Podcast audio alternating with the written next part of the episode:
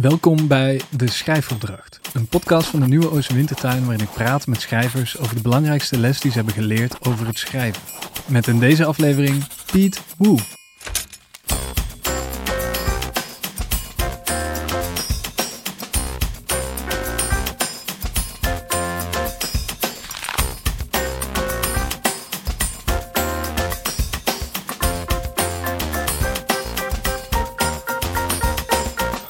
Voor de laatste keer dit seizoen ga ik in gesprek met een schrijver over het schrijverschap en zijn ontwikkeling daarin. Die schrijver, Piet Woe. Piet is naast schrijver, journalist en sinds kort ook documentairemaker. In 2019 debuteerde hij bij uitgeverij Das Mag met het vuistdikke De Bananengeneratie. Over het dubbelleven van Chinese Nederlanders van nu. Daarvoor schreef hij al voor onder andere De Gids, Vice, Brandpunt en De Volkskrant. Dit jaar verscheen de documentaire serie Piet en de Bananen bij VPRO Dorst. Over daten en liefde als jonge Oost-Aziatische Nederlander. Het lijkt alsof Piet alle middelen die er zijn om een verhaal te vertellen wil uitproberen. Hoe ziet hij dat zelf? Daarover ga ik met hem in gesprek in de keuken van zijn woongroep in Amsterdam. Af en toe slaat er een compressor aan of besluit een buurman te gaan boren. Dan weet je dat alvast. Jij bent schrijver, journalist, uh, documentairemaker. Ja. Ben je, hoe omschrijf jij jezelf? Uh, eigenlijk altijd als journalist. Dus ik denk vooral als bijvoorbeeld, nou ja, oké, ik zeg maar wat mensen op Tinder vragen, wat doe je dan? Zeg ik eerder journalist dan schrijver of documentairemaker. Omdat ik, het voelt gewoon nog best wel nieuw of zo. Bijvoorbeeld omdat ik een boek pas een jaar uit heb en een documentaire pas een half jaar, ga ik niet zeggen, wow, ik ben echt een documentaire maken. Want dan vragen mensen, kom je op ITVA of zo, of whatever. Dus nee. Maar je, hebt, je, schrijft, uh, je schrijft ook fictie, of in ieder geval je hebt fictie geschreven. Ja. Ik kan me verhalen van jou herinneren. Dat deed je toch al voor het boek? Ja, maar toch, nee, omdat ik natuurlijk juist mijn geld verdien misschien met journalist zijn. En ja, ik zou mezelf dan dus inderdaad niet zo gauw schrijver in mijn Twitter-bio zetten. Heb ik nu wel, dus sinds het boek. Maar daarvoor dacht ik wel altijd van, hmm, nee, ja, ik voel me niet per se een schrijver of zo. Oké, maar je, je voelt het zelf dus ook niet zo? Nu misschien iets meer. Ja, het voelt gewoon zo. Ja, ik vond het vooral heel erg. Uh, um, uh, zo, ja, ik weet Ik voelde me gewoon meer een journalist. Dat is het vooral, denk ik. Omdat ik, uh, toen ik aan het boek begon, was ik vooral bezig met uh, heel veel non-fictie lezen voor mijn werk. Um, en ik deed dat altijd op een hele pragmatische, journalistieke manier of zo. En daarom, ja, zelfs toen ik dit boek, De Bananengeneratie, aan het schrijven was, voelde ik nog steeds van, ja, het is, ik ben gewoon mijn werk aan het doen of zo, maar dan in een andere vorm. Dus ja. Ja. En is er, is er voor jouw gevoel wel een... Ja, die is er waarschijnlijk wel, maar een rode draad door al die dingen. Dus ook de, de fictie, de journalistiek, de documentaire. Ja, ik, uh, als ik nu mijn fictieverhaal teruglees, dan gaat het altijd over uh, mensen die uh, een soort van leegte proberen op te vullen. en als ik dat dan te moet doortrekken, die lijn eh, naar mijn boek bijvoorbeeld, dan denk ik van, oh ja, ik ben eigenlijk op zoek naar iets wat ik niet heb of zo. Uh, in het geval van een boek dan bijvoorbeeld erkenning of representatie of, hoe zal ik het zeggen, uh, leuke ouders. Nee, mijn ouders zijn heel leuk, maar meer uh, dat mijn ouders op een manier wat meer westers zouden zijn. Dat wilde ik vroeger altijd. Nu denk ik, ja prima. Maar ik denk dat dat een beetje de lijn zou kunnen zijn. Geldt het dan ook voor de, voor de, voor de kortere journalistieke stukken? Um, nou, ik denk. Nou, ik heb vroeger als journalist bijvoorbeeld nooit over mijn eigen identiteit geschreven. Totdat ik uh, in 2013 een artikel schreef over specifiek Chinese Nederlanders, uh, zoals ik. Uh, die te maken kregen met wat Gordon zei in een talent show in 2013. En waarin hij dus eigenlijk heel veel. Nou ja, als je nu op terugkijkt, heel veel racistische uitspraken deed, meer als een soort van grapje. En ik vond zelf, toen ik dat zag, uh, vond ik het uh, moeilijk als journalist, maar ook als mens. En toen dacht ik, wat, ik weet niet zo goed hoe ik mezelf moet verhouden tot wat er nu gebeurt in een mainstream eh, ehm, programma waar 2,5 miljoen mensen naar kijken, eh, waarin zo makkelijk een grap kon worden gemaakt over iemand die van dezelfde afkomst is als ik. En toen dacht ik, laat ik dat even uitzoeken als journalist, meer als een excuus, zodat ik zelf ook weet hoe andere mensen over dachten. En uh, uh, voor Vice had ik toen een artikel gemaakt waarin dan... Uh, wat ik eigenlijk gewoon die vraag stelde. Wat vond je eigenlijk van wat er gebeurde met Gordon in, in The Holland's Got Talent? en mensen gaven er heel verschillende antwoorden op. Sommige mensen vonden dan, ja oké, is een grapje. Gordon is gewoon een soort van clown. En andere mensen zeiden echt van, ik voel me echt persoonlijk aangevallen. En toen dacht ik, oh ja, wat... Er zijn, zijn heel verschillende verhalen hier aan verbonden. Um, ik weet eigenlijk je vraag niet meer. Is, dat, uh, is dit antwoord op je vraag, Dennis? Ja, nou, ergens wel. Ik uh, was benieuwd of dat ook in je journalistieke werk aan de hand was dat je een leegte ja. probeerde te vullen. Ja, ik denk dat het toen steeds meer terugkwam, omdat ik toen merkte dat er sowieso niet zoveel werd geschreven over mensen zoals ik. Dus eigenlijk mensen van Chinese afkomst die in Nederland zijn geboren en opgegroeid. En probeerde eigenlijk nog voor een interviewserie ook nog op zoek naar bekende Chinese Nederlanders. Nou, dus eigenlijk niet gevonden. Ik heb uiteindelijk dus voor NRC nog een hele, hele korte interviewreeks gemaakt van drie mensen die dan niet eens allemaal Chinees waren, maar ook eentje was uh, van Koreaanse afkomst. Uh, en zat in Spangas. En de ander was een theateracteur van Vietnamese afkomst. En ik had uiteindelijk een wat bekendere uh, half Chinese presentator gevonden. En die had ik dan allemaal geïnterviewd over hun afkomst. Dus ja, dat, er was dus blijkbaar een, een leegte en denk ik ook een behoefte aan uh, andere verhalen. Ja, of ook vragen uh, die bij jezelf leven en dan antwoorden bij anderen halen, misschien. Ja, ik vond het vooral als schrijvende journalist ook best wel, uh, nou, ik wil niet zeggen eng, maar meer. ik voelde me heel erg tegengehouden door het feit dat ik journalist was. Dat ik dat, dacht van ja, maar dan ben ik dus niet objectief. Want dit artikel van uh, voor Vice was ook al een beetje tegen het randje van ja, ik zette mezelf letterlijk neer als de ik-persoon. En de, de ik-persoon gaat op zoek naar antwoorden in dat stuk. En ik heb dat nu gewoon door de jaren heen vooral veel meer losgelaten. Omdat ik dacht, ja, ik ben degene die daar uh, uh, alle kanten van die, die hoofdvraag weet. Als, omdat ik het zelf ook ben, bijvoorbeeld. Dus ja, ik heb gewoon vooral geleerd dat journalist zijn eigenlijk nooit echt objectief kan zijn. Ja, is het in die zin meer ja, naar je fictie toe gaan trekken? Niet dat ik wil zeggen dat je dingen verzint, maar qua, uh, qua vertelmodus misschien? Ja, ik heb uh, toen ik in. Ik heb een uh, semester in Amerika gestudeerd. Uh, in, in Florida. Dat was de swing state destijds, tijdens Obama. en daar heb ik ook wat vakken gevolgd op het gebied van literaire journalistiek. En dat was voor mij ook een soort van. Nou ja, niet, niet eye-opener, maar ik heb heel veel geleerd van hoe je ook als journalist een heel verhaal kan vertellen. Waarbij je ook vooral niet moet pretenderen dat je dus objectief bent, maar vooral uh, in het belang van het vertellen van de waarheid, kun je dus de waarheid ook een beetje omvormen. en uh, ik heb de, deels uh, daarvan ook een beetje toegepast in bepaalde hoofdstukken in mijn boek bijvoorbeeld. Um, omdat ik uh, heel sterk wist wat ik dan wilde vertellen met dat hoofdstuk, maar ik moest er nog andere dingen bij halen om het te vertellen. En dat betekent niet dat ik het heb verzonnen, maar dat betekent dat ik bijvoorbeeld Eén uh, karakter bestaat bijvoorbeeld uit twee personen en twee verhalen die dat ik bij elkaar heb gebracht als, ja, hoe zeg je dat? Verhalende journalist. Ja, en je hebt je dus moeten bevrijden van een soort, een misschien wat klassieker beeld van journalistiek of zo. Ja, um, ook bijvoorbeeld over het feit dat ik op mannen val, dat ik daar ook nooit over wilde schrijven. Um, omdat ik dacht, ja, maar dan schrijf ik dus eigenlijk gewoon over mezelf. Terwijl dat natuurlijk helemaal niet zo is. Maar um, ja, ik moest er wel echt uh, even doorheen. Maar gelukkig, bijvoorbeeld op de master journalistiek, uh, zeiden ze bij les 1 eigenlijk ook al van... ja, maar journalistiek is dus niet objectief, hè? Toen dacht ik, oh ja, oké, nou, thanks dat ik dat nog een keer bevestigd krijg. Ja.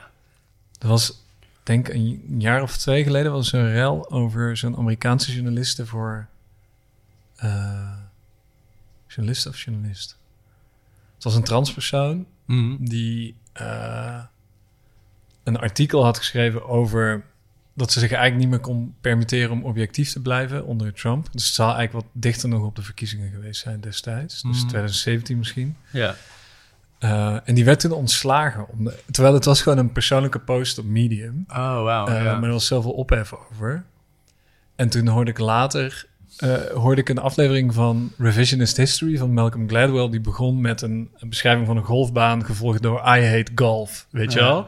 En hier, dit vindt niemand een probleem of zo. De Malcolm Gladwell heeft heel duidelijk ergens ook een agenda. ja. Ehm, en toch, het is non-fictie of zo, maar het, het is ergens bevrijd van het juk van, ja, of dat dan horen en wederhoren is, dat is het niet eens, zeg maar. Want dat artikel wat jij beschrijft natuurlijk voor Vice, daar zat ook wel horen en wederhoor in. Nou, ja, behalve dat je misschien Gordon niet gevraagd hebt, maar Nee. meerdere standpunten of zo. Ja.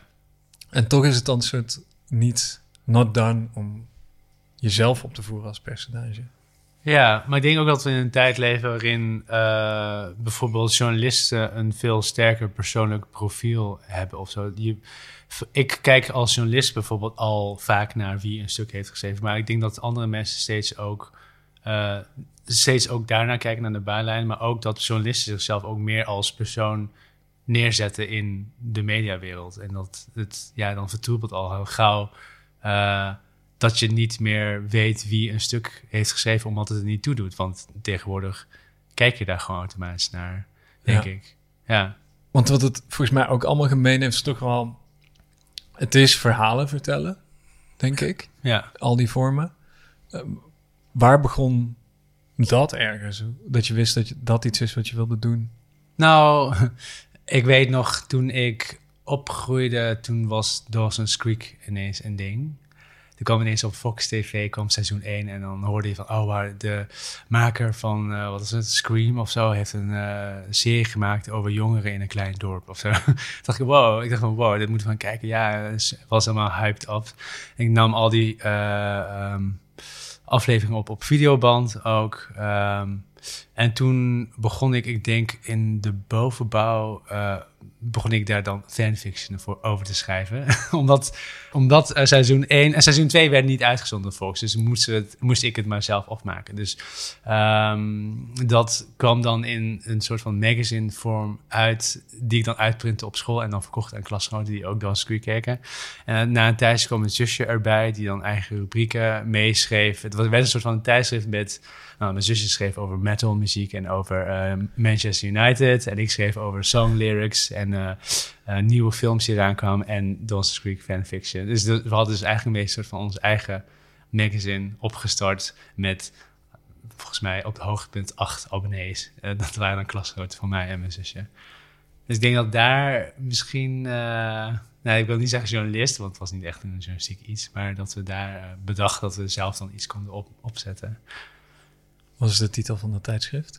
Dawson op the Creek. Ik had het opgezocht en op the Creek betekent in problemen komen. Dus dat is dat. Ja, en ik had laatst had ik als teruggevonden gevonden. ge- oh wauw, dit is echt eigenlijk best wel. Ja, ik, ik lees het liever niet meer terug of zo. Dat is vooral. Ja. Echt niet? Nou, het is ook best wel slecht Engels. Ik heb alles in het Engels geschreven. Behalve de rubrieken. Dawson op the Creek. Ja. Ja. Eh, Ik kan me, volgens mij is, het, is er altijd zoiets, het begin. Dus ik, ik vind het eigenlijk helemaal niet zo gek dat je dat... eh, ik maakte ook wel een soort krantje inderdaad. En oh ja. ik weet niet, het is, het, is, het is een beetje dat of zo. Maar op een gegeven moment wordt het dan... Wanneer wordt het iets waarvan je denkt, dit is iets wat ik kan doen, daadwerkelijk? Ik heb er daarna eigenlijk niks mee gedaan. Ik ging wel Engelse literatuur studeren. Maar daarna ging ik dus bij de NOS werken. Echt als, ehm, eerst als stagiair van het maken van filmpjes. Dus eigenlijk het verbeelden van een nieuwsitem. Het was super onprofessioneel. Ik bedoel, we waren echt stagiairs en eh, dan moesten wij als team moesten wij altijd één item per dag maken. En dat betekende dus gewoon echt bikkelen van ochtend, in de ochtend pitchen en dan helemaal monteren tot 11 uur s'avonds. En dan met het laatste terrein vanuit Hilversum terug naar huis. Dat was echt verschrikkelijk. Hard, verschrikkelijk hard werken ook, maar ook verschrikkelijk. Ehm, en toen wist ik van, oh ja, ik had toen twee jaar bij de, de NOS gezeten. En dacht ik, nou, dit is misschien toch, dit snelle is niks voor mij. Ik wilde gewoon liever langer nadenken over eh, het maken van iets of zo. Want ik vond het op zich wel leuk om dat eh, om die filmpjes te maken. Maar toen dacht ik wel, oké, ik moet iets anders doen. Maar toen ging ik bij de Quest werken als stagiair. En dus daar heb ik vooral eigenlijk vooral... ehm, bij de Quest leerde ik eigenlijk vooral eigenlijk Nederlands, zeg maar, schrijven om voor een groot publiek te schrijven. Omdat ik daarvoor natuurlijk eh, vooral in het Engels heb geschreven voor eh, mijn studie. Dus ehm, ja, vooral het schrijven voor een groot publiek. Ik moest daar ook wel echt aan wennen. Ik, bedoel, ik schreef wel dagboeken bijvoorbeeld. Maar dan was het natuurlijk gewoon heel erg een su- super lange zinnen waar je dan lang over na mag denken. En bij de quest je dan ineens... Ook voor iedereen die bij de tandarts zat of op de wc zat... moest het dan gewoon kunnen en willen lezen even snel, zeg maar. Dus ja, dat was anders. En eh, werd het toen ook iets wat je wilde doen? Ik denk, nou als ik nu op terugdenk, denk ik toch van... ja, ik wil, had wel altijd graag willen schrijven. En dan met name ook fictie, denk ik. Om, ik, schreef, ik las altijd eh, filmscripts bijvoorbeeld. En ik lees nu nog steeds zo'n eh, blog dat gaat over... hoe verbeter je, je screenwriting. Terwijl ik nog nooit een script heb geschreven. Dus... eh, meer hoe je, eh, wa- waar je moet aan denken als je een eh, verhaal wilt schrijven. Dat zijn meestal van die tips, zeg maar. Dat ze dan bijvoorbeeld een hele script gaan analyseren. Dus ja, ik zit te denken wanneer ik mijn eerste fictieverhaal dan echt heb geschreven. Maar dat was dan toch pas best wel laat voor ehm, de buren, zou ik zeggen. Toen ik met schrijfresidentie meeging naar Parijs en terugkwam, moesten we dus een eh, fictieverhaal schrijven. En toen dacht ik, oké, nou, eh, dan doe ik dat maar of zo. Eh, en, dat heb ik, en toen vroeg ik aan iemand anders, Persis Bekkering, die ook mee was dat jaar, vroeg ik van, ja, maar waar moet ik dan ergens insturen? Waar doe ik dat dan? Toen zei ze, ja, doe het dan naar de gids. Toen dacht ik, oké, nou, ik stuur gewoon letterlijk naar info at, eh, wat is het, de gids.nl. en zei ze, oh ja, dit is eigenlijk wel een heel, eh, dit is een schot in de roos. Ik dacht, oh, oké, wat goed. Dus toen werd het in de gids gepubliceerd. Dat werd weer gelezen door eh Das Mag. En Das Mag eh, zei, wil je voor ons een kort verhaal schrijven in onze eerste sampler, dus zeg maar verhalenbundel van talent. Dus een beetje zo. En toen, ja, daarna begon het, denk ik. Oh, wauw. Dus ja, mijn eerste fictieverhaal die in ieder geval een kop en een eind had, was dus inderdaad voor de buren en in de gids. Ik vond het ook wel echt eh, leuk om te schrijven. Want ik daarvoor schreef ik natuurlijk gewoon journalistieke verhalen vooral eigenlijk. Ja, Maar, maar je hebt je wel opgegeven voor die residentie.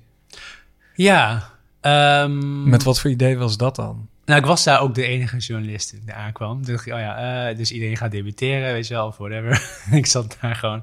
Ik denk ook gewoon dat ze ook misschien een beetje die mix zochten van eh, mensen die dan an- op een andere manier verhalen maakten. Ehm, nou, het leek me gewoon een goede. eh, ik kende een, paar mensen die dat hadden gedaan. Toen dacht ik, oh, nou, lijkt me op zich ook wel leuk. Geef me maar gewoon op of zo. Niet met de intentie van iets anders. Ik dacht van, het lijkt, leek me gewoon een heel. Een leuke tijd. En het was ook een leuke tijd, dus ja. Ja, maar je moet denk ik ook iets pitchen dan, toch? Wat ging je daar ja, doen? ik had gepitcht om een... eh, ik wist dat er in Parijs één wijk was waar ze de taal van mijn ouders spraken. Dat is ook nu ook een hoofdstuk in mijn boek geworden, maar ik heb het destijds dus gepitcht als het idee van... ja, ik ga, ga dan naar Belleville, want daar zitten mensen uit Wungzhou. Dus, en dan kan ik ze allemaal verstaan. Eh, wat eh, heel gek is, omdat de taal van mijn ouders wordt maar gesproken door eh, nou, in ieder geval in, in maar één stad, sowieso in China. Dus dat is een wel, het is wel een miljoenenstad, dat dan weer wel. Maar het is zo'n obscure eh, dialectvorm dat ik bijvoorbeeld geen Mandarijn-Chinees kan verstaan als ik naar China ga. Ik kan niet naar de wc vragen in Beijing bijvoorbeeld. Of net buiten de stadsgrens van Wenzhou eigenlijk ook al niet meer. Dus ik vond het een heel bijzonder idee dat ehm, wij als gezin in Parijs dan één wijk hadden waar iedereen die taal dan sprak. Leek me gewoon iets heel magisch. Ehm, dus ik wilde daar graag heen, omdat wij als gezin ook al een keer eerder aan Parijs waren geweest, maar we konden die wijk niet vinden. Als in, niemand had echt de moeite genomen om te bedenken dat we dan ook nog ergens naartoe moesten. En dat Parijs enorm groot was, bijvoorbeeld. Dus eh, met de, tijdens de residentie eh, in 2016 eh, ben ik dus naartoe gegaan en heb ik met mensen gesproken ehm, en eh, daar een hoofdstuk over geschreven. Maar dit was dan, als ik het goed begrijp, ook al na de quest-tijd... Ja, waarin je de ik al ontdekt had in je verhalen. Ja, zeker. Ja, dus er zat eigenlijk een ik in je journalistiek voordat je fictie ging schrijven. Ja, zeker. Uh, 2013 was dus mijn eerste ik-stuk. In 2016 was die residentie. En 2016 was ook een, het jaar dat ik. Uh,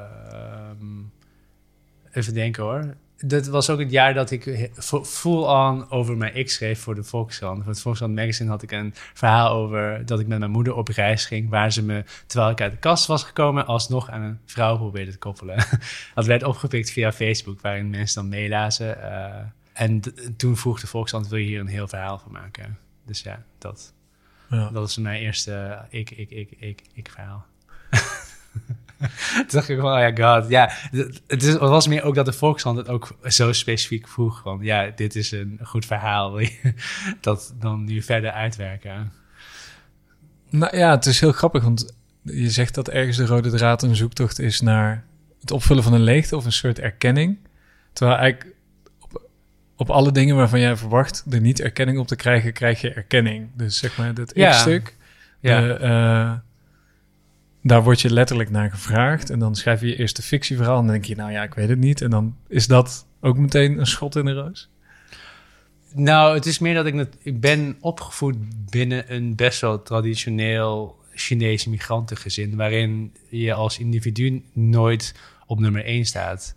Dus uh, wij werden nooit gevraagd naar wat wij leuk vonden, bijvoorbeeld. En dat klinkt dan heel zielig, maar dat is gewoon meer hoe uh, mijn ouders werken. En daarom dacht ik ook gewoon heel vaak van ja, het is gewoon niet zo belangrijk wat ik vind of zo. Dus wat dat betreft is eigenlijk objectief journalist zijn natuurlijk een, een fantastische manier om er omheen te werken. Dat je het niet over jezelf moet hebben, omdat je, en dat je dan alsnog wel een verhaal kunt vertellen. Ehm, dus voor mij was het wel inderdaad best wel verbazingwekkend dat uh, je met, nou in dit geval eigenlijk social media, uh, wel je eigen verhaal mag vertellen. En uh, ja, het voelde ook wel heel raar om uh, um, het vijfsartikel en een paar artikelen daarna gingen een beetje over van ik uh, zag dit en ik vind dit en ik ga nu andere mensen spreken over. En het Volkskrant Magazine artikel was het eerste artikel dat ging van ik ging met mijn moeder naar dingen. Dus ik vind dit en ik uh, vond dit verdrietig en dit leuk, et cetera. Uh, een soort van alsof je je dagboek publiceert of zo, maar dan in een leukere vorm misschien toch wel. Um, maar schot in de roos, ja, ik merkte wel na, aan de reacties van het stuk in het Volkskrant Magazine dat mensen hier wel een soort van behoefte aan hadden of zo. Als in, omdat ze zo'n verhaalsoort niet eerder hadden gelezen misschien. Ja, ik merkte ook vooral dat uh, wat betreft uh, literatuur of journalistiek rondom specifiek deze groep is het gewoon nog niet zo heel ver in Nederland.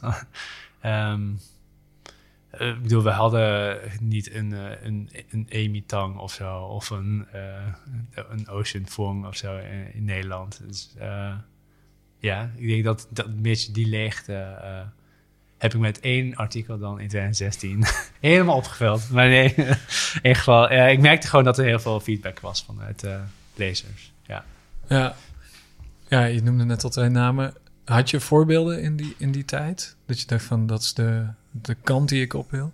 Nou, ik dacht dus altijd Amy Tang. Omdat ik wel een paar boeken van had gelezen... waarbij ik wel echt moest huilen van herkenning. Maar meer um, omdat ik van... Hè, ja, dit is een beetje zoals mijn moeder of zo. Een beetje, want ja, ik, ik las dat niet terug in andere literatuur.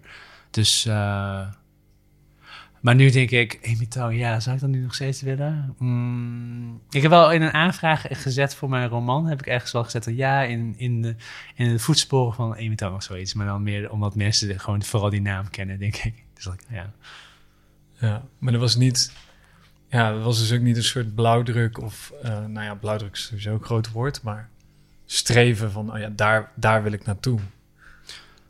Ja, het was vooral, ik denk, ik ben opgevoed met het idee dat je bepaalde vinkjes moet afvinken in het leven. En schrijver daarvan was geen vinkje voor mijn ouders. Als in die uh, vonden dat niet uh, uh, zeker genoeg. Of vooral financieel gezien. Want voor hen was, zodra als je vaste financiën hebt, dan kun je een zeker leven opbouwen. En voor hen is natuurlijk een, was een super grote stap om te migreren naar een ander continent, zeg maar. Dus waarom zou je dan het risico lopen om niet goed geld te verdienen in dat, op dat continent?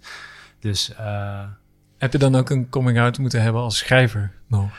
Nou, toen ik tekende voor dit eerste boek, toen uh, heb ik wel een, geprobeerd een soort van moment van te maken. Alleen mijn moeder vroeg meteen: Oh, uh, gaat het goed verkopen? Is het, de, is het een nieuwe Harry Potter? Ik, toen zei ik, nou nee. Toen zei ze, oh ja, toen was haar, ze interesse alweer kwijt. Toen dacht ik, oh ja, terwijl ik natuurlijk dacht van, mijn grootste uh, ding ever of zo. En hetzelfde met uh, bijvoorbeeld mijn boekpresentatie. Dacht ik, nou ja, ik nodig ze maar wel gewoon uit of zo. En toen liet ze heel lang niks van zich horen. van, ja, deze mensen komen dus gewoon niet. Dus ik had mijn speech ook al voorbereid als dat zij niet kwamen. En toen zei ze gewoon in de middag, zei ze, hey, we zijn onderweg naar uh, het kantoor van Das. Ik zei, oh, shit, dus komen nu wel.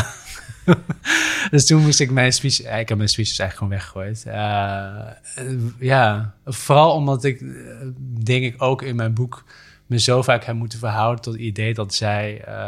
Niet willen wat ik wil of zo. En dat het dan ineens waren ze er. dus het was. Ja, het was heel, ik was wel heel blij, dat wel. Ja. Maar ik denk dat zij mij als schrijver zien, moet ze nog steeds best wel wennen, denk ik. Ja. Het klinkt eigenlijk bijna als een ontdekkingstocht van ik, toen kwam ik erachter dat ik dit leuk vond en dat het mocht of zo. Ja. En niet zozeer van ik wilde altijd al daar naartoe.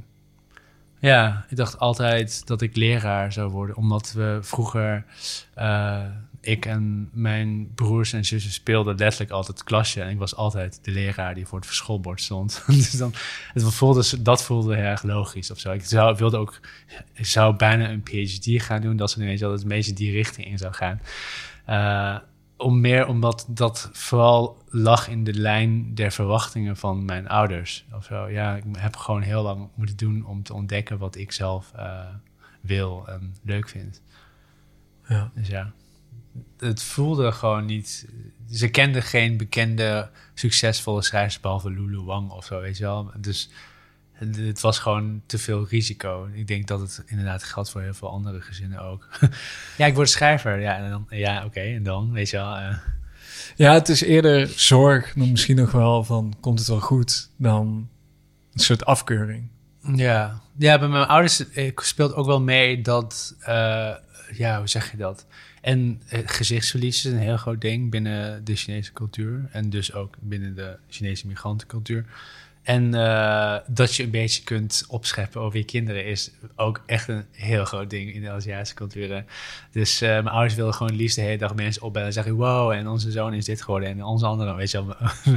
maar dat gebeurt gelukkig nu op dit moment, kan dit niet. Nou, dus ja, ik, ja, ik merk dat vooral aan op welke aspecten zij zich uh, focussen als ik het heb over bijvoorbeeld boeken of documentaires. Dan zeggen ze, oh ja, uh, de buurvrouw kwam langs en zei dat ze je op tv had gezien. Dat vindt ze dan belangrijk, terwijl dat gaat dan niet meer over mijn werk of zo, wel. Dus, uh, of ehm, mijn moeder vraagt dan, ja, in welke druk zit je boek? Of zo, is dat niet van, krijg je goede reacties of zo, of verander je de wereld ermee of whatever. Het is vooral de dingen die zij dan toch misschien wel meetbaar en herkenbaar vinden voor hun eigen beleving. Maar toen ze het boek hadden, hebben ze het boek? ja. Ehm, ze kwamen, nou ja, oké, ze kwamen naar mijn boekpresentatie en ik had natuurlijk uh, uh, een boek voor ze klaar liggen. Alleen in de, zij gingen daarna gewoon meteen naar huis, na een uurtje of zo. ze hebben ook zeg maar tijdens mijn speech stond ze ook helemaal achteraan. Van, Hé, waar zijn mijn ouders? Ze stonden echt in het gangetje. En mijn moeder zei, ja, ik heb niks kunnen horen of zo. uh, en achteraf stuurde ze een foto en zei ze... hey, ik ben naar de Broesen geweest in Tilburg. En, of de Gianotte. Of, uh, en uh, toen stuurde ze een foto van het boek en zei... Hè, je hebt het boek gekocht. Hier, ik, had je gewoon een boek kunnen geven. Zo. Het is niet alsof ik heb het letterlijk aan jullie opgedragen. Waarom koop je een boek? Dus vond het op zich wel schattig of zo. Maar ze zei wel, uh, toen, zij, toen ik na, daarna een keertje langskwam in Tilburg, zei ze wel, zijn moeder wel van, ja, ik ben begonnen in een boek en uh, ik heb het weggelegd. Ik zei, oké. Uh, ik zei, oké. Nou, ze, het was heel erg eh, een beetje gespannen. Dat merkte ik aan haar, omdat ze de hele tijd heen en weer aan het lopen was. Dus dan liep ze van... eh, ik zat in de keuken en eh, ze liep van de snackbar naar de voorraadkamer. En de keuken zat er tussenin. Dus dan liep ze van de snackbar, liep ze langs mij en zegt ze... Ik heb je boek gelezen. En dan gaat ze naar de voorraadkamer en dan komen ze terug en dan zegt ze... Ik heb het weggelegd. Dan ging ze weer weg. En dan zegt ze, waarom schrijf je over zulke dingen? En dan liep ze, dus liep de hele tijd tussen die twee ruimtes in met mij daartussen. En dan merkte ik gewoon dat ze heel erg moest nadenken over hoe ze het moest verwoorden. Maar ze bedoelde dus eigenlijk, ik wil dat je niet over zulke privé dingen schrijft. Want eh, ze vond het bijvoorbeeld verschrikkelijk toen ik dat artikel in 2016 schreef voor de Volkskrant. En dat er gewoon, eh, nou, er gewoon in stond dat ik op mannen val. En dat vond zij dan heel erg beschamend voor, nou, ik wil zeggen, voor het gezin. En ze besefte ook niet dat heel veel mensen het Volkskrant magazine lazen. Want er kwamen dus gewoon letterlijk klanten in de snackbar die zeiden van... hey, zijn jullie dat? Dat is jouw zoon toch? Eh, wat een mooi verhaal. Maar dat zij onthoudt dan alleen van... oh ja, nu weet ze dat hij gay is. Of nu weet ze dat hij gay is. En hetzelfde eigenlijk met dit boek. Want mijn boek opent natuurlijk met eh, best wel eh, harde observaties... van hoe mijn wereldbeeld is gevormd door hun opvoeding. En ik denk gewoon dat je als ouder sowieso dat misschien niet wil lezen. Dus, en mijn, moeder in haar eh, gebrekkige Nederlands, dat ze dan niet alle nuances meekrijgt. En vooral dat ze bijvoorbeeld niet helemaal tot het einde heeft uitgelezen, waar het natuurlijk allemaal weer goed komt, in mijn hoofd dan. Dus eh, ja, dat, eh, is een, dat gebeurde er nadat het boek uitkwam. Ja. Maar was ze wel trots dat het in de winkel lag? In het begin wel. Toen voordat ze begon te lezen, dat ze van, oh ja, ja, eh, misschien moeten we het ook hier verkopen in de snackbar. Dus als je een paar exemplaren hebt, of uh, hij kan gewoon, ja, zij vonden het idee van, ze waren ook helemaal overweldigd dat er zoveel mensen op mijn boekpresentatie waren. Ze had verwacht van, ja, dus wij zijn er en dan misschien nog de uitgever of zo. Dus ze wisten niet dat het een ding was of zo, terwijl het voor mij natuurlijk een heel groot ding was. Het was, eh, ja, en ik was daarvoor ook in een paar talkshows geweest. En dat hebben ze ook gewoon vooral meegekregen. Want daarin praat ik bijvoorbeeld vooral over andere thema's in mijn boek. Zoals bijvoorbeeld discriminatie tegen Oost-Aziatische Nederlanders. Wat ook een groot ding is. Dan zag ik van, oh wow, leuk dat eh, onze zoon daar, eh, zich daarover uitspreekt of zo. Want het is, eh, heeft dan iets weg van Aziatische trots. Wat zij natuurlijk heel erg belangrijk vinden. Dus, maar toen kwamen ze dus achter waar het boek echt over gaat. Namelijk over mij. Wil je iets voorlezen? Ja, ik wil iets voorlezen. Misschien dit stuk. Toch eh, een soort van inleiding over de richting mijn coming out. Oh ja. Is dat een... eh, Ja. Eind 2015, kort voor mijn coming out, hadden mijn moeder en ik een korte discussie in een restaurant in Rotterdam. Ze wilde me per se een foto laten zien van de dochter van een vriendin van haar in Shanghai, in een subtiele poging ons te koppelen. Bekijk de foto gewoon even. Misschien word je wel meteen verliefd op haar. Je weet het niet. Kijk tenminste even. Ik loog weer, zei dat ik het beschamend vond dat mijn moeder zich met mijn dateleven bemoeide. Toen ze maar foto's van die dochter bleef sturen, kwam ik via WhatsApp uit de kast. De eerste keer dat ik mijn ouders daarna zag, vroeg mijn moeder of ik ziek was in plaats van homo. Mijn vader bracht me aan het einde van die regenachtige dag naar het station en droeg me op binnen het jaar hetero te worden. Ik zag ze even niet, tot drie maanden later. Mijn ouders kwamen die middag in februari 2016 nog een laatste stevige poging wagen tijdens de lunchpauze van mijn werk bij een filmfestival in Rotterdam. Ik vermoedde niets van hun bedoelingen, tot we na wat rondkuieren door het veel te drukke stadscentrum in het café van de galerij op de kruiskade thee gingen drinken, op van die lage trommelvormige stoeltjes. Ze deden me denken aan kinderkrukjes. Heb je er al over nagedacht? vroeg mijn vader in het Wungzhouhua, waarmee hij doelde op de vraag of ik overwoog hetero te worden, of dat in geval wilde proberen.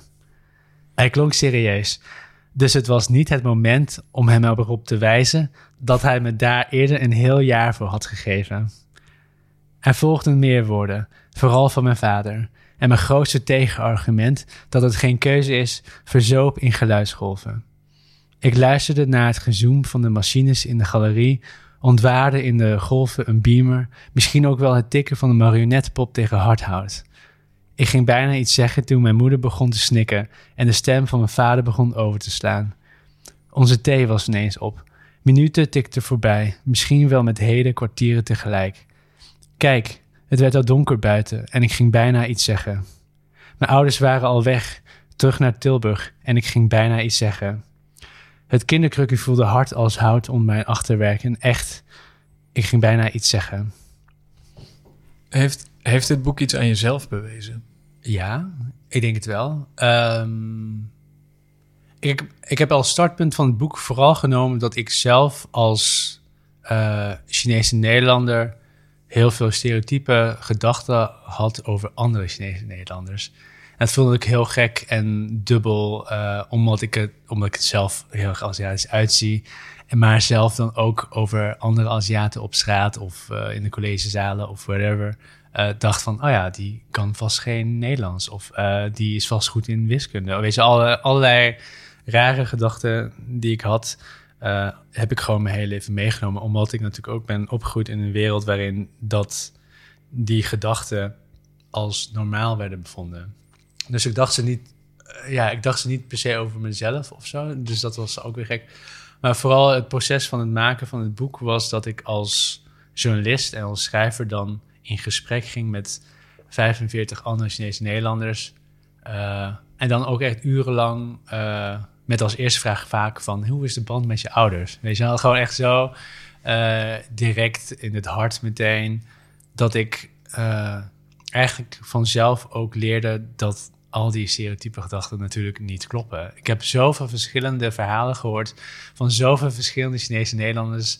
zo uiteenlopend dat ik denk van... ja, hoe kom ik dan in godsnaam zelf aan die gedachten? um, dus het was vooral een reflectie op hoe ik zelf uh, uh, ja, discriminerend dacht eigenlijk. Ja, dus ik heb wel veel uitgehaald, denk ik. En heeft het, heeft het, uh, heeft het je kijken op schrijven veranderd? Ik denk dat ik, nou ja, ik heb vooral heel veel plezier gehaald uit het schrijven ervan. Ik vond het gewoon fantastisch om, uh, ik ben voor dit boek dus ook even verhuisd naar uh, Antwerpen om in alle rust uh, te schrijven. En ik vond het gewoon fantastisch om daar fulltime mee bezig te mogen zijn. Alleen al. Ik had dat denk ik daarvoor als journalist niet op die manier eruit kunnen halen. Omdat natuurlijk als journalist dan pak je een onderwerp vast en laat je na weer gaan. Zeg maar. En dit uh, duurde wel een jaar, denk ik misschien. En dat was fantastisch. Dus ja. Ik vind het nog steeds best wel snel ook, een jaar. Ja, Um, maar dat komt misschien dus ook omdat ik natuurlijk... Het is een journalistiek boek, dus ik moest uh, het baseren op de feiten. En ik heb uh, alle interviews eerst gedaan. Dus gewoon, het was gewoon heel uh, gestructureerd geschreven. Ik bedoel, ik wist wat het beginpunt was. Ik wist ongeveer wat het einde was. Ik wist hoe ik het, zeg maar, alles moest vullen daartussen. Dus ja. Is dat anders? dan een roman? Ja, ik weet niet of ik dat al... Je noemde net tussen neus en lippen door dat je met een roman bezig bent. Ja. Ik weet niet of dat wereldkundig uh, uh, Nou, ik heb het eigenlijk al best vaak gezegd. Vooral omdat ik ook om mezelf ertoe te zetten... om dat te gaan doen. Ik moet er namelijk in ongeveer in februari mee gaan beginnen. En ik heb er wel wat meer tijd voor uitgetrokken dan voor dit boek. Dus ik, omdat ik ook verwacht dat het een heel ander proces gaat worden. Maar je, hebt, je bent nog niet begonnen. Nou, uh, ik heb. Uh, nou, hoe ik ook voor bijvoorbeeld dit eerste boek heb gewerkt, is dat ik gewoon heel veel notities al heb. En dat, het, uh, dat ik vaak uit die kleine ideetjes gewoon doorwerk tijdens wanneer ik echt ga zitten en ga schrijven. Dus um, als je nu mijn iCloud zou leegtrekken of resetten, dan heb ik niks meer eigenlijk. Omdat ik, ik heb eigenlijk ook best wel een korte termijn geheugen. Dus ik, daarom probeer ik ook zoveel mogelijk notities echt meteen op te schrijven als ik bijvoorbeeld s'nachts even wakker word of zo. Omdat ik ze anders gewoon kwijt ben. Maar ja, dus uh, sorry, is dit je vraag? Nee, dat was niet je vraag. Jawel. Oké. Okay. maar je bent dus een, uh, een. En dan gewoon in, op, ja. je, op je telefoon, begrijp ik. Ja, dus daarom durf ik bijvoorbeeld, ja, ik klinkt heel stom, maar ik durf dan dus niet naar een Samsung-telefoon over te stappen, omdat ik nu denk van, ja, ik heb nu een iPhone en al zit in mijn iCloud van Notes, dus dan, uh, hoe moet ik dat dan weer overzetten? Dus ja, probeer het makkelijk te maken. En hoe ziet het er dan straks uit? Je hebt uh, allemaal notities. Uh, hoe ga je beginnen? Um, Ik heb al een beginbeeld en een eindbeeld. Dus uh, ik weet al hoe het boek eindigt en hoe het boek begint met. Uh, om, ik denk ook heel vaak in, uh, in, in, beelden eigenlijk. Dus bijvoorbeeld mijn kort verhaal voor de gids is begonnen met het einde, omdat ik. ja, ik heb daar naartoe gewerkt. Dat is een beetje, denk ik. Dus ik hoop dat het met een roman ook gaat lukken. Het is wel wat meer pagina's en meer tekst. Dus ja. Maar is je schrijfproces altijd van notities naar iets? Um, de notities vooral voor de ideetjes uh, van bijvoorbeeld hoe een verhaal van Shannon gaat lopen. En als ik ga zitten, dan is het meestal uh, uh, dat het zich verder vormt eigenlijk. Dus ja, het is niet dat ik. het werkt voor mij. In ieder geval, ik heb gemerkt bij het schrijven van dit boek dat ik vooral weet van, ah ja, als ik een paar sterke beelden of sterke gedachten of sterke uh, woorden combinaties heb, dan kan ik daar gewoon veel meer omheen spinnen. Dat, dat heb ik geleerd in ieder geval. Dat, ik, dat, dat het voor mij het beste werkt zo. Ja. En, en hoe was dat voor de documentaire reeks? Nou ja, de documentaire bestaat uit een reflectiegedeelte, maar bijvoorbeeld ook uit een gedeelte waarin ik een tekst nou, eigenlijk voorlezen. Het was eigenlijk ooit bedoeld als een brief aan mijn ouders. Daar eindigt elke aflevering mee. Maar ehm, we hebben dat idee laten gaan omdat het toch een beetje te confronterend was om mijn ouders, die dan ook in de documentaire zitten, in de laatste scènes, te direct aan te spreken uh, op, uh, ja, eigenlijk ook net als in het boek, op hoe hun opvoeding mijn blik op de wereld heeft gevormd. Dat was net iets te confronterend. Dus uh, ja, ik heb wel gewoon eerst die teksten uitgeschreven. Ook een beetje aan de hand van het thema van die aflevering. Maar ook, uh, ik denk zelfs ook nog een paar restjes van het boek. Als in, uh, ik heb natuurlijk gewoon heel veel notities over... die ik dan uh, op een manier heb verwerkt in de documentaire. Maar is je aanpak hetzelfde met het maken van die documentaire? Nou, ik, nee, denk ik niet. Ik moest er van tevoren heel veel uitdenken. En ik heb vooral, um, ik denk dat voor een roman, dat ik, ik ga het niet helemaal uitdenken. Ik haal juist wel plezier in het bedenken wat de mogelijkheden kunnen zijn. En bij de documentaire moesten we gewoon heel erg vastleggen wat dan uh, de segmenten zouden worden per aflevering. En één hoofdvraag, uh, wie de hoofdrolspelers zouden worden. Dus het was eigenlijk allemaal best wel redelijk uitgedacht. En het heeft ook wel zijn charme. En ik begrijp het ook wel omdat, omdat je natuurlijk bij het maken van een documentaire met veel meer mensen werkt. En bij de boeken je lekker gewoon de hele, denk van, oh ja, nee, dit lukt niet. Nou, dan doe ik maar iets anders. Maar bij, je moet gewoon veel sneller schakelen. Dat merkte ik ook al meteen. Ik van, oh ja, shit. ook, en vooral ook dat je bijvoorbeeld in de editing nog helemaal, weer, eigenlijk weer helemaal opnieuw dat verhaal moet gaan vertellen. Uh, ja. ja. Dus het was toch anders. Maar er is best een belangrijke rol voor tekst weggelegd in de vorm van jouw stem. Ja. Misschien een andere gelijkenis waar ik, waar ik me afvraag of die er is. In jouw korte bio, die je neem ik aan zelf geschreven hebt. Oh, welke korte bio? Nou ja, gewoon de, de eenregelige bio van dat je een uh, journalist, schrijver, een oh, documentairemaker bent die verhalen wil vertellen van stemmen die je in de traditionele media normaal niet hoort. Ah, ja, dit, klinkt als een hele oude bio. Ja, dat klopt. Ja, dat klopt nog steeds hoor. Ja, ja Hoe, uh, geldt dat ook voor je fictie? Uh, nou, ik heb wel bijvoorbeeld echt fictie geschreven waarin ik uh, helemaal los, los denk van bijvoorbeeld identiteit of zo. Ik denk, ja, ik zit te denken aan de verhalen die ik heb geschreven voor bijvoorbeeld de sampler van Das Mag. dat ging dan ook over jongens die in een secte terecht zijn gekomen en er weer zijn uitgestapt en hoe dat dan daarna met ze is vergaan. En de hoofdrolspeler die dan is dan eigenlijk heel eenzaam geworden, omdat niet weet hoe hij moet leven zonder uh, de vaste rituelen van het zitten in een secte. Uh, dus dat zou op zich ook wel een ongehoorde stem kunnen zijn. Vooral omdat ik het heel interessant vond uh, wat je doet met de leegte, zeg maar, zodra alles voorbij is. Dus ja, in dat opzicht komt het wel terug, denk ik. Als je nu soort van kijkt naar, naar het prille begin, Dawson Up the Creek, tot nu of zo. Uh, Wat is de ontwikkeling die je daarin ziet en zou je... Is het, is het geworden wat je, wat je gehoopt had? Ja, het is natuurlijk achteraf heel makkelijk praten om er één groot grand narrative in te zien. Ik denk dat heel veel mensen dat natuurlijk gewoon ook automatisch willen lezen. Ehm, maar voor mij is het wel echt veel meer dan ik had verwacht, bijvoorbeeld. Dus uh, de aandacht voor mijn boek had ik bijvoorbeeld niet verwacht. Ik heb het ook eigenlijk specifiek geschreven voor uh, bijvoorbeeld niet-Chinese Nederlanders. um, en ik heb bijvoorbeeld heel veel reacties gekregen, juist vanuit Chinese Nederlanders en andere Aziatische Nederlanders. Um, nee, ik denk dat het juist meer. Ik had dit toch niet echt verwacht of zo. Of uh, toen ik met Dansen Up the Creek begon, dacht ik niet. Uh, ik word later. Uh, überhaupt schrijven. Ik ga later een boek publiceren, dacht ik ook niet. Of zo bijvoorbeeld. Ja. ja. Of documentaires maken. Of documentaires maken, ook niet. Nee. En denk je dat het, het, het beeld gemaakt hebben ook je schrijver weer beïnvloedt? Ik zit te denken of er echt iets over is gekomen van het documentaire maken naar het schrijven, maar weet ik nog niet. Ja, nee. Ik kan nu ook even niks bedenken. Dat is misschien. Maar vast wel. Het is natuurlijk dat je groeit als mens. En natuurlijk niet alleen als documentairemaker of uh, schrijver. Ik denk dat het dan natuurlijk allemaal samen, samen meegroeit. Ja. ja.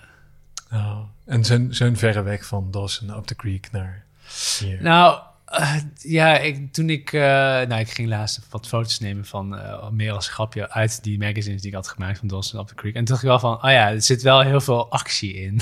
als in het verhaal loopt wel de hele tijd door. Zeg maar. Het is niet... Het is echt één... ik bedoel, er gaan echt mensen ontploffen daarin en zo, weet je wel. Gewoon Dawson, volgens mij. gaan mensen, mensen gaan dood. Toen dacht ik wel... Het is wel goed ook om bijvoorbeeld... Als ik bijvoorbeeld ooit een uh, filmscript ga schrijven, of, misschien ook in mijn roman, dat ik in de gaten moet houden dat uh, mensen ook graag willen doorlezen, bijvoorbeeld. Want ik weet dat ik soms. in een kort verhaal kan het natuurlijk misschien nog net iets wat bondiger of zo, maar dat in een roman, ja, oké, ik moet daar gewoon in mijn achterhoofd houden. Let's go, maar. Ja. Klinkt als een goed moment om naar je schrijfopdracht te gaan. Oh ja, ja, ik heb wel een schrijfopdracht.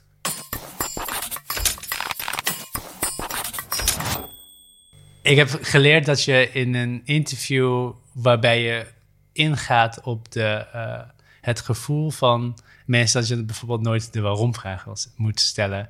En ik had bedacht als opdracht om dan gewoon uh, zo'n interview te houden met iemand die je eigenlijk uh, wel kent maar dan nooit de waarom-vraag stellen om te kijken hoe ver je kunt gaan in het ontdekken van diens emotie over een onderwerp.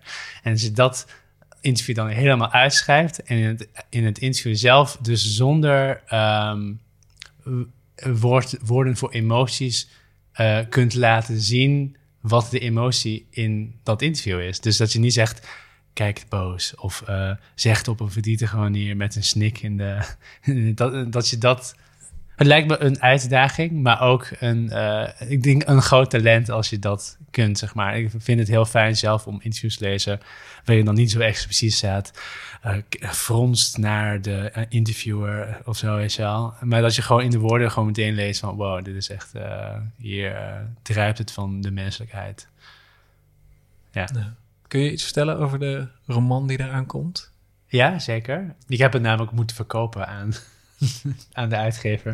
En natuurlijk en ook aan, uh, voor beursaanvragen. Dus uh, ik had toen er iets ingezet van... Um, het wordt een... Uh, een nou, het wordt sowieso een, het wordt sowieso fictie. En het is een soort van roman over familierelaties in de geest van Amy Tang. Nou oké, ik heb wel Amy Tang genoemd inderdaad. Maar ook Ocean Fong bijvoorbeeld en uh, uh, Jonathan Foer heb ik genoemd. Maar meer omdat ik vind dat hij heel veel uh, mooie beelden heeft. En ik ben gewoon daar denk ik van, van niet... Ja. Het gaat over tweelingbroers. En hoe hun uh, kijk op de wereld anders is, ook al zijn ze tweeling. In ieder geval, dat is nu het idee. Maar het kan over anderhalf jaar, wanneer het af, hopelijk af is, is het, kan het waarschijnlijk heel anders zijn. Kijk er naar uit. Ik ook. Ik ben ook benieuwd hoe het gaat worden. Want ja, zoals ik heb verteld, het ontstaat meer tijdens het schrijven dan dat ik nu kan uitleggen.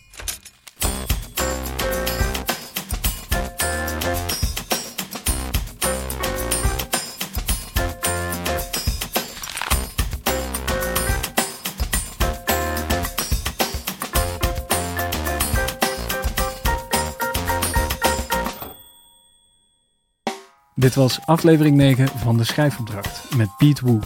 De Schrijfopdracht wordt geproduceerd door Elke Decatus van de Nieuwe Oze Wintertuin en gehost en gemonteerd door mij, Dennis Gaans. Dit was de laatste aflevering van dit seizoen, maar we komen vast weer terug met nieuwe schrijvers, nieuwe gesprekken in nieuwe afleveringen. Misschien wel tijdens het festival Nieuwe Types. Wel zo toepasselijk. Bedankt voor het luisteren en tot dan.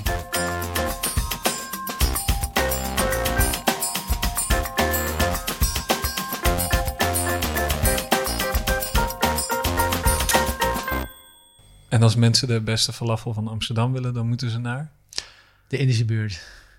In Maar is, Amsterdam. is er een specifieke... Oh, zo ja, het heet Tigris en Eufraat. Ja, fantastische falafel.